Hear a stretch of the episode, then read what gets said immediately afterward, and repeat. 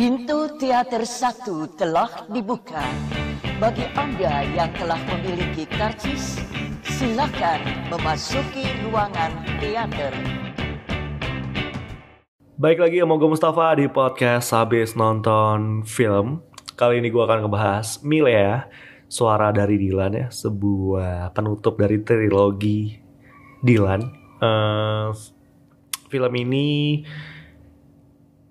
sepertinya sudah sudah cukup ya menurut gue selain ter, selain eh, apa ya film film Dilan ini kan udah menciptakan sebuah fenomena sebuah sebuah gerakan ya. Kayak bayangin aja satu cerita film gitu ya adaptasi dari novel bisa ngebawa orang belasan juta ke bioskop gitu. eh ya mungkin nggak nggak orangnya nggak belasan juta, cuma ada beberapa kali yang nonton dua kali gitu, beberapa orang nonton dua kali, tapi trilogi tiga film ini kalau dikumpulkan jadi satu tuh jumlahnya udah mengalahkan ratusan film Indonesia yang lainnya gitu. eh dan ini bagus, ini bagus, ini sebuah pencapaian yang menurut gua akan susah untuk dicapai lagi. Mungkin dalam 10 tahun ke depan akan susah banget. eh gue gak kaget sih kalau ada film yang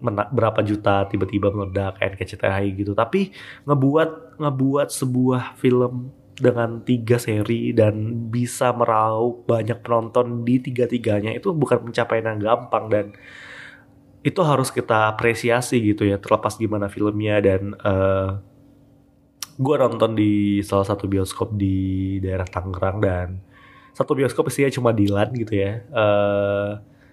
eh yang artinya bahwa demandnya ada dan memang gue pas nonton full gitu, nggak full lah mungkin 80% tapi kan tetap aja gitu ya udah di hari ke ketiga dan tetap banyak yang nonton, tetap tetap antusias satu bioskop masih tayangin juga gitu ya tanpa ada gangguan dari film lain gitu. eh ya which is good. Eh gue sangat gue sangat suka melihat fenomena ini kalau misalnya yang yang ber, berarti bahwa film kita juga masih bisa menciptakan sebuah animo menonton ke bioskop secepat mungkin dan bersama orang-orang tersayang gitu. Dan eh ya itu lagi tadi gue bilang nggak nggak akan nggak akan banyak orang yang bisa nggak akan banyak PH atau film yang nantinya akan bisa mengulangi kesuksesan ini gitu ya. Even Joko Anwar, I don't think that he can uh, beat this gitu ya. Eh secara jumlah penonton gitu, uh, obviously. eh filmnya sendiri gimana menurut gue dengan standar yang sudah diciptakan oleh Dilan, eh, film ini cuma datang sebagai pelengkap penutup yang ya cuma menjelaskan sisi lain yang tidak pernah diceritakan gitu. Eh mungkin lo udah pernah nonton film March Mad Venus ya. Kalau nggak nonton juga nggak apa-apa. Jadi beberapa tahun lalu sempat ada film dari MNC Pictures yang yang menceritakan sebuah kisah cinta antara wanita dan laki-laki tapi dari dua versi gitu Mars Mad Venus jadi ada Mars Mad Venus part cewek ada Mars Mad Venus part cowok nah eh, kenapa film ini dipisah? Karena karena storytellingnya memang dibuat gimana caranya eh, cewek terwakilkan dengan pemikiran cewek dan cowok ter- terwakilkan dengan pemikiran cowok. Nah Dilan Dilan eh Milea suara dari Dilan ini menurut gue adalah versi cowoknya yang di mana kita jadi tahu oh ternyata Dilan tuh kayak gini loh. Ternyata apa yang dipikirkan Dilan tuh kayak gini loh. Dan eh, konsep ini datang untuk eh, merefresh lagi gitu. Eh, cerita Dilan jangan sampai cerita Dilan membosankan dan ya kalau misalnya kita datang dari perspektif Milea yang selalu digoda dan digombalin gitu ya itu kan akan selalu membo akan membosankan juga pada akhirnya. Meskipun nanti di meskipun datang sebagai penutup trilogi gitu gue yakin banyak yang bosen dan ngerasa kok kayak gini-gini lagi ya? Nah itu kenapa yang ketiga ini adalah versi Dilan gitu. Jadi menurut gue ini sudut pandang dari Dilan yang melengkapi eh cerita cerita kisah cinta mereka berdua gitu. Ya yang yang ya beberapa kali dalam filmnya ada beberapa adegan yang off karena kita udah tahu ya di film-film sebelumnya dan eh nggak nggak nggak ini aja. Menurut gua kalau di kalau di filmnya eh di film yang di film ini gombalan gombalan gombalan itu tidak terasa menggelikan gitu ya dibandingkan yang dua sebelumnya menggelikan dalam arti baik gitu. Jadi gue gua selama nonton Dilan tuh gue menggelikannya kayak uh, ya, ya kita pernah dekat dengan area itu gitu. Cuma yang biasa gue kalau dari Dilan yang 1991 yang gue gue pertanyakan adalah uh, kenapa sih Milea itu kalau ngomong tiba-tiba kayak gitu gitu? Maksudnya kayak dia uh, kita putus pikir aja sendiri. Itu itu itu terngiang-ngiang di gue setelah gue nonton beberapa waktu gitu. Dan di sini dijelaskan kenapa Milea kayak gitu. Karena memang ada ada ketidaklancaran komunikasi antara mereka berdua dan itu memang harus di uh, dibenerin gitu. Nah, tapi saya itu nggak nggak dibenerin dan dan Dylan terlalu angkuh untuk untuk me, berusaha memperbaikinya gitu ya namanya juga lo cowok gitu ya mungkin lo juga pernah di posisi itu yang lo dalam posisi nggak salah gitu dan nggak jelas keadaannya gimana dan lo juga nggak berusaha untuk mencari tahu karena udah lelah kayak gitu-gitu aja. Nah Dilan tuh kayak gitu. Dilan tuh kayak ah ini gue udah bikin dia nangis nih gue harus harus cabut aja nih udah daripada kayak gini-gini lagi gitu. Tapi tapi tetap ada rasa ingin ingin, ingin ketemunya dan um, itulah. Kayak kayaknya kebanyakan hubungan manusia ini uh, kisah cinta itu lebih lebih sering bermasalah di masalah komunikasinya daripada uh, esensi cinta mencintainya sih menurut gua gitu ya kalau komunikasi lancar masalah suka nggak suka sih akan terselesaikan dengan gampang sih menurut gua gitu maksudnya uh, itu yang digambarkan dalam film ini kayak penutup ke bahwa sebenarnya Dilan selama ini nggak punya pacar. Ketika ditelepon ya, maksudnya uh, mereka merecall lagi kegiatan ketika kegiatan masa-masa ketika mereka baru aja putus gitu terus Dilan nanya aku mau nanya tapi kamu jangan marah ya gitu dan I know, uh, I don't know that uh, kalau misalnya lu pernah ngalamin ini, tapi gue pernah gitu. Jadi ngerasa kayak, uh, oh selama ini gue kayak kayak nggak dapat kejelasan aja. Kita kita kayak kayak kurang uh, pada pada pada saat kita mulai mulai memisahkan jarak gitu ya. Ada ada informasi yang kita nggak tak nggak dapat seutuhnya dan kita berpikir apa sebenarnya informasi itu, apa sebenarnya yang dia rasain, apa yang sebenarnya gue rasain tuh dia tahu nggak sih? dan itu itu itu sempat terjadi gue dan ketika gue nonton Dilan gue relate dengan itu kayak anjing selama ini kita kurang jelas aja ngomongnya gitu kalau misalnya kita lebih jelas mungkin gak akan terjadi kayak gini gitu sih gitu sih menurut gue uh, gue terwakilkan gitu ya terlepas dari filmnya. Nggak nggak arahnya gue juga nggak ngerti apa gitu.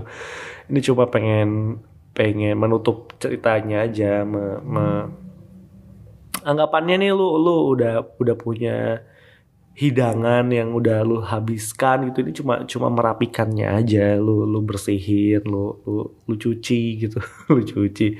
Tapi katanya mau ada yang keempat ya. Uh, insya Allah katanya. Uh, ada yang keempat ya. Kalau insya Allahnya orang Indonesia kan enggak?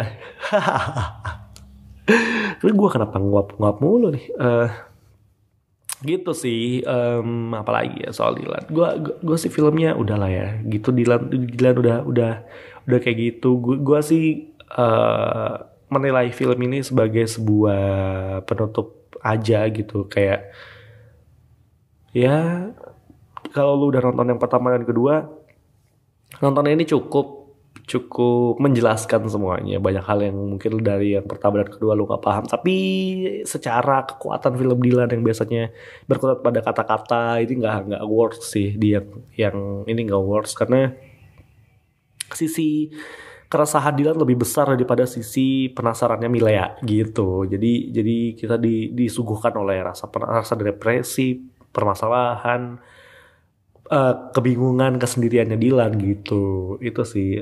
Dan uh, apalagi ya Jovialda sih nggak uh, cocok menurut gue uh, no offense tapi ya apa pasti gue udah terbayang. Ya kalau misalnya Anhar lebih lebih cocok jadi pasangannya gitu atau si si yang lain gitu. Um, itu sih uh, soal Dilan eh, Dilan Milea suara dari Dilan yang yang gue akan ucapkan selamat sekali lagi atas pencapaiannya 400 ribu penonton di hari pertama, 400 sekian di hari kedua, dan kayaknya di hari Sabtu udah satu juta penonton yang di, yang itu sebuah pencapaian yang gak gampang, sekali lagi gak gampang. Menciptakan euforia untuk orang berbondong-bondong ke bioskop nonton gitu ya apalagi dengan pasangannya gitu hanya untuk melihat Dilan dan Milea gitu kan itu kan gak gampang gitu dan uh, itu membutuhkan teknik marketing, campaign dan strategi yang yang nggak nggak ecek-ecek gitu deh. Ya, gue gue gue sangat salut sih, sangat salut. Ini for your information, Dilan Dilan 1991 dan Milea Suara Dadian itu di syuting di waktu yang bersamaan gitu. Jadi uh, syutingnya waktu bersamaan, jadi tinggal di split split aja ceritanya gitu. Jadi jadi lu uh, ini masalah masalah ada bagian part yang dihiseng aja dihilangkan di part di uh, Dilan 1991 terus dipindah ke Milea Suara dari Dilan gitu sih. Terus uh, buku yang ditulis Dilan di akhir tuh apa ya? Gue agak kelewatan. Iya, apa itu ya? Kurang-kurang ini ya, kurang kurang kurang jelas ya. Eh gitulah. nikmatin aja sih filmnya. Dan gua gua gua gua gua nggak punya opini buruk tentang film ini karena uh, ya ya ya kita tahu kapasitasnya segimana level apa yang ingin coba dituju uh, apa apa gagasannya apa argumennya. Kalau misalnya cinta memang tidak ya ya ya mungkin kisah cinta terbaik lo bukan kisah cinta terakhir lo gitu. Uh, itu sih. Uh, jadi jadi menurut gue gue gue lebih lebih appreciate gimana Dilan bisa menciptakan hype itu lagi gitu ya. Ya gue ya film Indonesia harus belajar banyak sih. Gue gue sangat berharap yang kayak gini kayak gini kayak Dilan gitu ya. Uh, melakukan teknik marketing yang nggak cuma sekedar ajakan menonton tapi ke model fisik kayak merchandise, uh, gantungan kunci, merchandising lah, merchandising atau uh, eh, IP IP lainnya yang kayaknya akan lebih cocok untuk disebarkan uh, gitu. Uh, apalagi ya, nggak banyak sih untuk Dilan gue lebih appraise gimana. Ya kayaknya rekor Dilan juga akan susah untuk ditembus tahun ini gitu ya. curang. Tayangnya di bulan-bulan Februari doang padahal gitu ya bukan bukan bukan bulan untuk nonton film gitu. Coba tayangnya di Lebaran gitu ya bisa meledak lagi sih. Tapi nggak apa-apa. Bagi-bagi rezeki sama yang lain ya. Bagi-bagi rezeki sama yang lain. Itu aja dari gue untuk episode kali ini. Uh, coba nonton aja kalau udah nonton di satu dan dua uh, eh, gue rasa sih kalian tidak akan terlalu terpuaskan sih. Ya tapi nggak apa-apa. Sebagai pelengkap aja sayang kalau untuk lewatin sayang untuk lewatin. Nggak sih ntar akan yang juga di TV cuma nikmatin aja euforia kayak gini karena jarang banget kita nonton film Indonesia yang satu bioskop isinya Dilan semua terus bioskop full nontonin Dilan gitu ya. Ya gitu deh kalau aja untuk, untuk episode kali ini jangan lupa follow Habis Nonton Film di Instagram di @habisnontonfilm atau di Twitter di @habisnontonfilm. Kirim email juga atau komen dan juga dengerinnya juga ya uh, podcast Habis Nonton Film di aplikasi Noise. Di situ ada kolom komentar dan lo bisa kasih komentar tentang film ini di sana. Eh, gue akan bacain kalau misalnya nanti ada komentar-komentar yang menarik gitu ya. Itu aja untuk episode kali ini. Sampai jumpa di episode selanjutnya. Dadah.